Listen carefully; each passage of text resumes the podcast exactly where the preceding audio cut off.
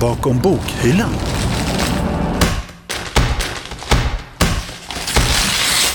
När någonting publiceras så är det ju någonstans en del av den allmänna kunskapen som vi sedan jobbar vidare med inom forskningen. Och det är därför det är så viktigt att den också håller god kvalitet och att vi kan lita på de här resultaten och så vidare.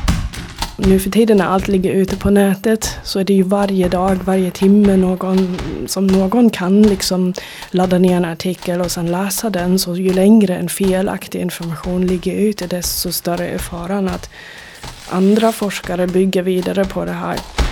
Oftast är ju en sån här tillbakadragning av artikel väldigt stigmatiserande för en, för en person. Och det är nog delvis för att det oftast har varit kopplat till idén om forskningsfusk. Och ibland kan det hända att man gör något fel. Det är inte kul, såklart. Jag önskar att det inte hade hänt.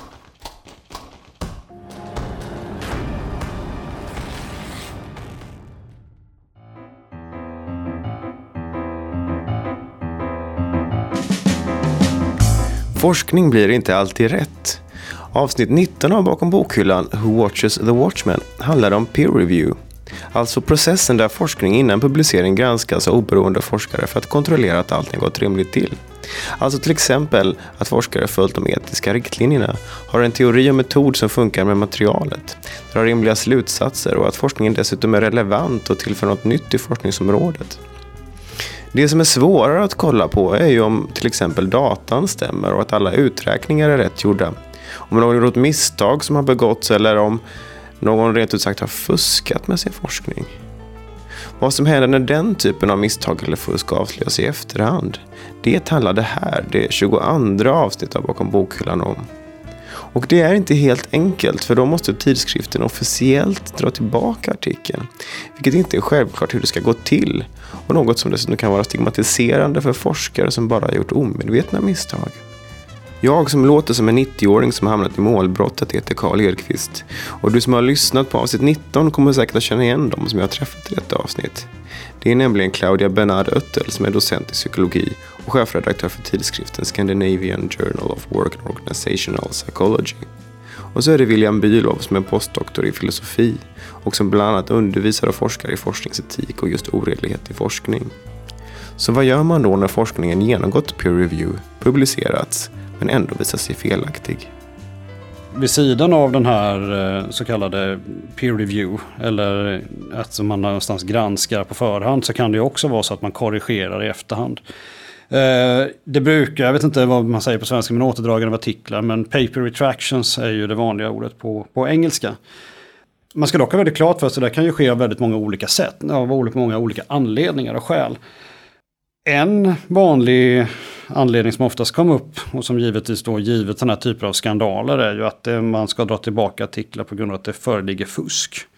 Alltså det vill säga medveten, eh, medvetet fuskande. Det kan vara så att man eh, fabricering av dataresultaten, det vill säga att man har, man har helt enkelt bara hittat på datan snarare än att man har faktiskt forskat fram den. Men man ska också ha klart för sig att det förekommer återdragande när det föreligger vissa fel eller räknefel eller vad som helst som egentligen kan vara missvisande. Och som inte nödvändigtvis handlar om fusk utan det snarare kanske är någon form av honest mistakes.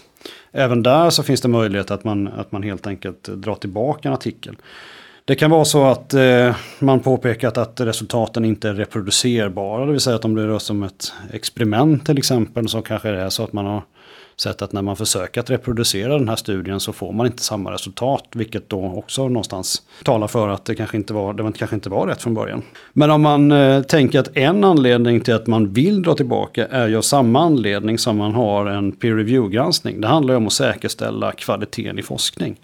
Så direkt missvisande artiklar, till exempel fabricerade eh, data, ska inte vara där ute för de ska man i sin tur inte använda när man forskar vidare. Så man ska inte bygga vidare på falsk eller missvisande data utan någonstans så när någonting publiceras så är det ju någonstans en del av den allmänna kunskapen som vi sedan jobbar vidare med inom forskningen. Och det är därför det är så viktigt att den också håller god kvalitet och att vi kan lita på de här resultaten och så vidare. Så det är någon form av självkorrigerande effekt för att se, helt enkelt se till att säkerställa ett problem med rättelser i alla sammanhang är att rättelsen ofta har betydligt mindre nyhetskraft och får mindre genomslag än själva nyheten. Inom forskning är det som extra problematiskt eftersom ny forskning bygger vidare på äldre forskning. Så är det fel i den gamla så kan det också bli fel i den nya. Det gäller alltså att vara tydlig när man gör tillbakadragande så att framtida forskare inte använder det felaktiga materialet. Claudia Bernard Öttel. Um, då finns det egentligen skulle jag säga två olika saker som kan hända. Antingen att det blir en errata. Ehm, att forskarna själva får skriva en extra text där de korrigerar det som är fel och lägger till det. Så det publiceras som ett extra eh, som man sen måste läsa tillsammans med originalartikeln för att fatta vad som var fel i originalet och hur det ska vara mera korrekt. Är det för mycket som är fel eller är det ett sånt basalt fel som sen gör att alla slutsatser blir ogiltiga eller opålitliga, då är det ju bättre att dra tillbaka. Um, det är inte så att det händer så ofta, men det kan ju hända. För ja, både forskare och reviewer och editor är människor. Um, de gör fel ibland. Och um, när, när man sen upptäcker det i efterhand så är det det viktigaste i det kanske i mina ögon att man så snabbt som möjligt informerar tidskriften. Alltså det finns ju två olika scenarier här. Det ena är att forskarna själva märker det här var fel på olika sätt genom att de kanske räknar om eller räknar något liknande och sen upptäcker men det här går ju inte ihop med vad vi hade i den här artikeln och så på så sätt liksom märker att någonting var fel. Eller att deras kollegor i en granskning av en avhandling eller någon, något annat liksom säger men hur kunde du komma fram till det här? Och på så sätt upptäcka att det är fel. Och då är det ju de själva som sen måste informera tidskriften så snabbt som möjligt så att um, man kan antingen fatta beslutet på att skriva i Rata eller dra tillbaka. Så att, så, att um, nu för tiden när allt ligger ute på nätet så är det ju varje dag, varje timme någon som någon kan liksom ladda ner en artikel och sen läsa den. Så ju längre en felaktig information ligger ute desto större är faran att andra forskare bygger vidare på det här. Så på så sätt behöver man då agera skyndsamt. Ett annat scenario är ju, och det har ju också hänt ibland, men inte ofta heller, att eh, någon blir påkommen genom alltså att man upptäcker att den har fabricerat sina resultat eller sina data till och med. Att det är typ fraud. Att man liksom medvetet har försökt att framställa något som, som någonting som det inte var. Macchiarini-fallet kanske säga någonting. Den här forskaren på KI som hade liksom skrivit många artiklar där det sen kollegorna upptäckte det här. Han har liksom medvetet överdrivet eller liksom felaktigt fram, framställt sina resultat på ett bättre sätt än vad de var. Och då är det ju också viktigt att den kollegan vågar då anmäla det eller liksom göra det publikt så att man har en chans att undersöka det och ta liksom rätt beslut. Bakom bokhyllan. Allt utom boktips. En fråga är ju varför man drar tillbaka artiklar. En annan fråga är hur man gör och hur man bör göra. Så det var en väldigt mycket en diskussion för ungefär eh, en eh, 5-10 år sedan om att ofta så hade man inga etablerade regler för hur man skulle göra. Utan det var lite upp till journal till journal eller tidskrift till tidskrift hur man gjorde. Och en eh, vanlig kritik var att när man drog tillbaka artiklar så var det oftast ganska mångtydiga förklaringar varför. Det, man sa liksom inte nödvändigtvis nu har den här begärts tillbakadragen av författarna eh, och sen så kanske man inte ens skriver varför den drogs tillbaka. Eller så kan det vara så att man, att man säger någonting väldigt vagt och mångtydigt för att det förelåg eh, eh någon form av missvisande resultat eller någonting, eller var någonting, någon form av missvisande information. Och sen säger man kanske inte vilken information i den här artikeln som var faktiskt missvisande, utan det, det räcker. Och så publicerar man helt enkelt om man kan kalla för ett retraction notice. Och säger att den här artikeln har då dragits tillbaka. Så att en eh, sak man ofta liksom lyfter fram och som ofta påpekas då åtminstone i många artiklar i forskningsetik var att vi måste ha ett system som är mer konsekvent. Som all journaler tillsammans kan jobba utifrån och som är tydlig, alltså hur gör man? Hur skriver man då en sån här retraction notice och förklarar varför dras någonting tillbaka? Och förklara liksom steget. Vem är det till exempel som har begärt den tillbaka? För det kan ju vara redaktören som kommer på efterhand. Det kan vara en läsare som har påpekat att det var ett fel och som därför gjort att redaktören då, eller redaktörsrådet initierade en tillbakadragning. Men det kan ju också vara författarna själva. Så att om vi tänker det här jag nämnde att det kan ju också vara så att det är någon form av honest mistakes. Då är det ju författarna själva som eh, initierar den där och eh, det är ju någonting som man ofta pratar om att det där, det vill vi ju. Vi vill ju att de som, om de själva vet med sig att det här är problematiskt så ska de givetvis ta tillbaka. Och det här leder ju till en fråga som diskuteras mycket i, idag inom, just kring den, den här delen av forskningsetiken. Nämligen att eh, oftast är ju en sån här tillbakadragning av artikel väldigt stigmatiserande för en, för en person. Och det är nog delvis för att det oftast har varit kopplat till idén om forskningsfusk. Att tillbaka drag en artikel, då föreligger det fusk. Men om det nu är ärliga misstag och du inser att det finns ett misstag i din artikel som är publicerad och du vet att det här kommer att göra att om jag begär, jag borde kanske begära tillbaka den här artikeln eftersom att den är, den är missvisande och den borde inte vara publicerad. Men jag vet samtidigt med mig att om jag drar tillbaka den så kanske det finns en risk att jag och mina eventuella samförfattare blir nedsvettade av den här tillbakadragningen. För andra kanske tror att vi har gjort någonting, någonting fult helt enkelt i, i publiceringen. Och eh, det här har ju lett till en större diskussion att vi måste tydliggöra när en när en återdragning görs och varför. Och framförallt så är det många som säger att vi måste avstigmatisera den här idén om att man drar tillbaka artiklarna. Det måste bli någonting som egentligen bara uppfattas som just en självreglering. En, man lägger in en korrigering. Och när det handlar om små fel att man kanske snarare går in och lägger in en, eh, ett Irata. som förklarar de där felen snarare än att dra tillbaka artikeln. Och att man försöker nyansera det där så att vi snarare får tillbaka det som är dåligt och eh, det som kanske är missvisande och bara har Publicera sånt som faktiskt är, har god kvalitet. Eh, så där finns det ju en diskussion idag som framförallt rör sig mot den. Alltså hur kan vi jobba för att få retractions till att bli någonting som kanske uppmuntras i större mening och därmed också avstigmatiseras.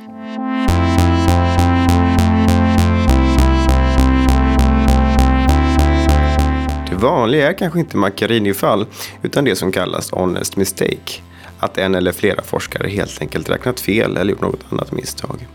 I somras behövde Claudia Bernard Öttel som redaktör ta ett beslut gällande ett sådant fall, när en forskargrupp kom till henne och berättade att de hade gjort ett misstag. Det har tyvärr hänt.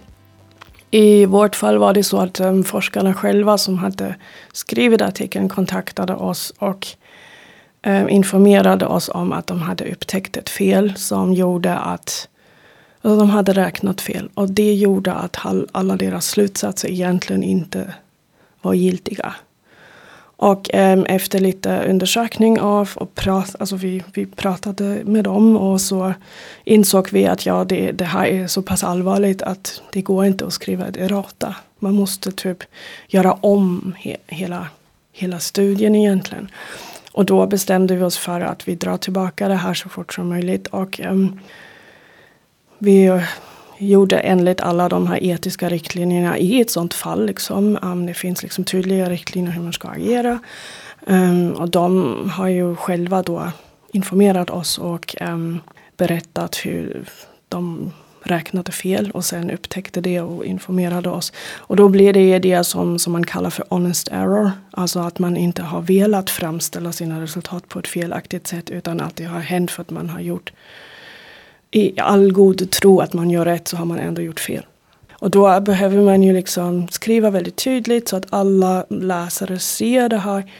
När de upptäcker den här artikeln, det här har blivit tillbakadragen på grund av att forskarna själva informerade oss och eh, vi undersökte problemet och det var på grund av så kallad honest error. Vad vi har gjort sedan dess är att vi har granskat alla våra rutiner och alla artiklar. Och um, vi har bokat ett möte med alla våra editors. Vi sitter i olika länder, så vi jobbar ganska ensamt egentligen. Men uh, om man ger ut en skandinavisk tidskrift så är det också det som är viktigt. Att man är förankrad överallt i Skandinavien eller i Norden. Inte bara i Sverige eller i Stockholm. Vilket också gör att um, vi kanske ibland liksom är lite ensamma. Nu är vi också en väldigt ny tidskrift. Så vi har eh, behövt, det, har, det tar några år att bygga upp alla rutiner, komma in i sina roller, kanske också. Man är på ny terräng på något sätt. Det är spännande, men det är också läskigt. Och ibland kan det hända att man gör något fel. Det är inte kul, såklart. Jag önskar att det inte hade hänt. Men um, samtidigt kan vi inte göra det ogjort. Vi kanske, vi kanske borde ha upptäckt det, jag vet inte. De som skrev artikeln tänker nog också varför räknade vi fel? Vi borde ha kollat en gång till innan vi skickade in det igen och så. Jag tänker det, vad, vad vi bäst av allt kan göra är att lära oss av det här. Och sen blicka framåt och försöker förbättra så mycket vi kan. För att undvika, alltså i, i den mån det går att undvika att sånt händer igen. Men ja, till viss del kanske det inte ens går att upptäcka alla sådana saker för att då skulle man behöva räkna med alla authors och det är inte heller kanske givet att om de fyra, fem personerna inte upptäcker det tillsammans, att jag som en enda skulle då komma på att det här var något fel eller så. Ja, men vi försöker liksom helt enkelt granska våra rutiner, stärka våran liksom process så att vi liksom förebygger så långt det går.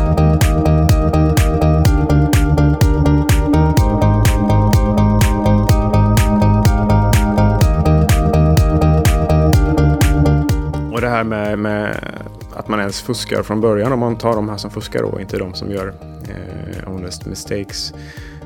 Vad, vad beror det på liksom? Eh, eh, är det liksom...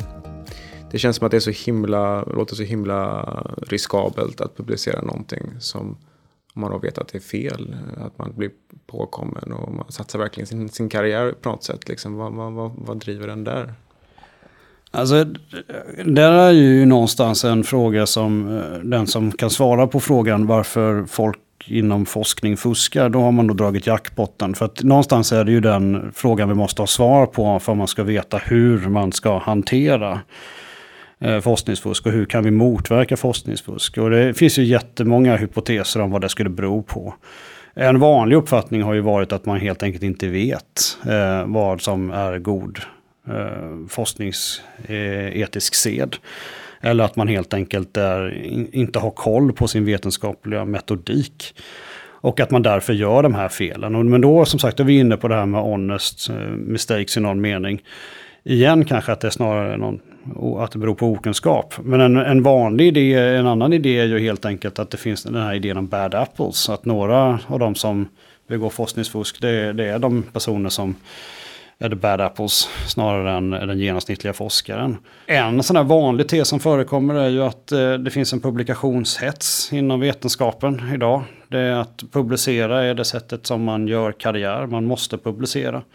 Och att det i sin tur kanske eldar på mindre, att man kanske, vissa blir, får ett incitament att kanske tumma lite på reglerna för sin egen skull. Och det, det är en tes som ofta slängs ut där och som man oftast diskuterar som är en orsak till ökningen. Men eh, däremot så finns det också som jag tydligt för sig att, eh, klart för sig att jag tror att eh, toleransen kring forskningsfusk eh, och oredlighet i forskning mm, liksom har förändrats också i den meningen att jag tror att journaler idag har en helt annan bild av hur man ska se på upprätthållandet av god kvalitet i forskningen. Antalet tillbakadragna artiklar har till exempel ökat ungefär sedan 80-talet stadigt uppåt. Så det dras tillbaka fler artiklar. Enligt, åtminstone enligt vissa empiriska studier som har tittat närmare på det här. Och eh, en av anledningarna är helt enkelt att man eh, fler saker betraktas som tillbakadragsvänliga och att man kanske som journaler ser en stor del av sitt eget ansvar att upprätthålla god forskning också. Så att snarare än att se det som att det är författaren som är ansvarig för den artikeln han publicerar så är man även som journal i viss mån ansvarig för det som publiceras där. Och att man tar det allvaret på mycket större, eller man tar det ansvaret på mycket större allvar. Så det är lite som med, med brott och sådär i allmänhet att, att, bara för att det kommer in fler anmälningar och, och sådär så betyder inte det att brotten har ökat eller fusken har ökat eller Nej, det finns ju den, den hypotesen finns ju att även om, även om tillbakadragandet har ökat eh, så betyder inte att det måste spegla en, att fusket har ökat. Det är klart att det är också en hypotes som finns här. Det är ingen, jag har inte sett någon studie som har bevisat klart att det ena eller det andra. Men båda de hypoteserna diskuteras ju. Och det kan ju mycket väl vara en annan möjlig hypotes är ju helt enkelt att båda de här två sakerna bidrar. Frågan är vilken som bidrar mest. Men det finns ett par bra artiklar publicerade i Journal of Medical Ethics om, om retraction som tittar närmare på uh, hur, hur förändringarna har gått över tid. Men även anledningen till att artiklar dras tillbaka. Och uh, det är fortfarande så att jag tror den överlägset största kategorin är, är fortfarande honest mistakes snarare än påkommet fusk.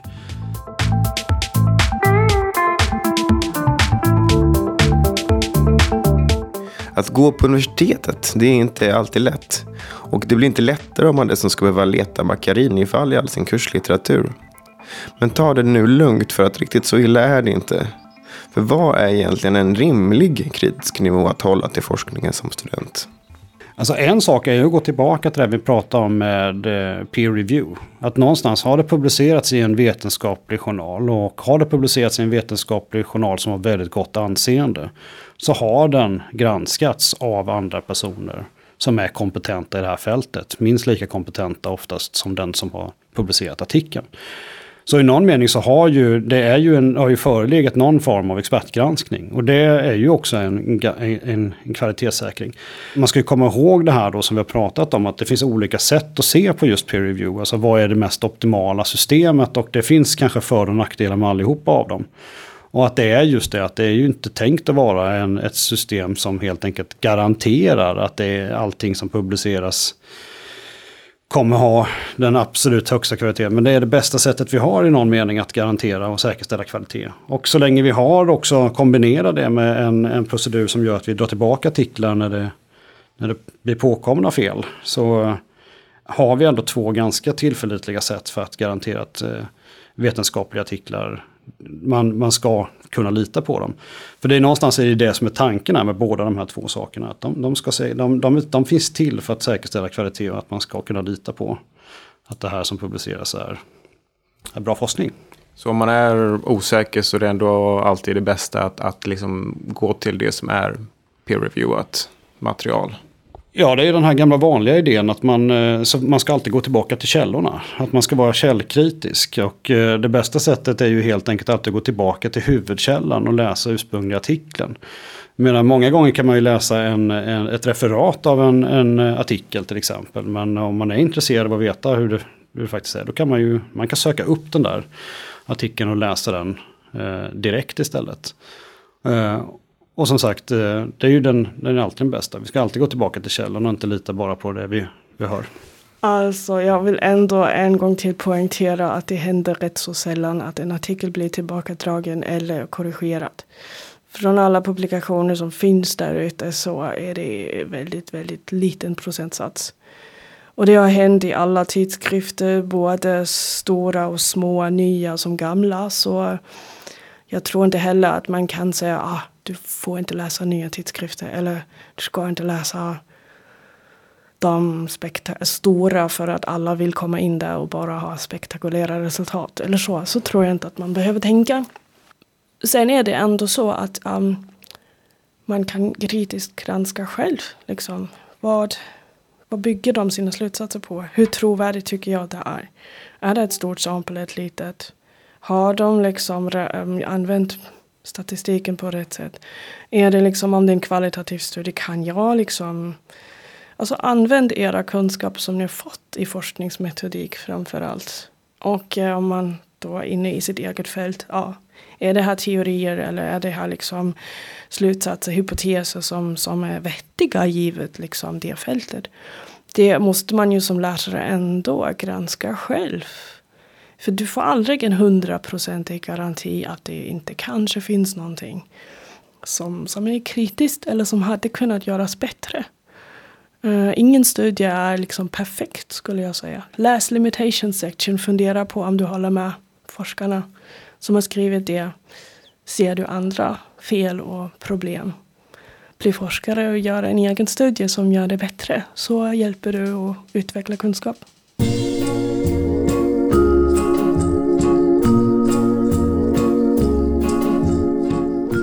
Och där så tog detta, det 22 avsnittet av Bibliotekets podd bakom bokhyllan slut. I avsnittet hörde ni William Bülow, postdoktor i filosofi, och Claudia Bernard Öttel, docent i psykologi. Vi som gör podden är Julia Milder, Urban Göransson och så jag, Karl Edqvist. Kontaktuppgifter till oss och låtlistor över vår CC-licensierade musik, det hittar du på vår hemsida, su.se bibliotek. Vi ses!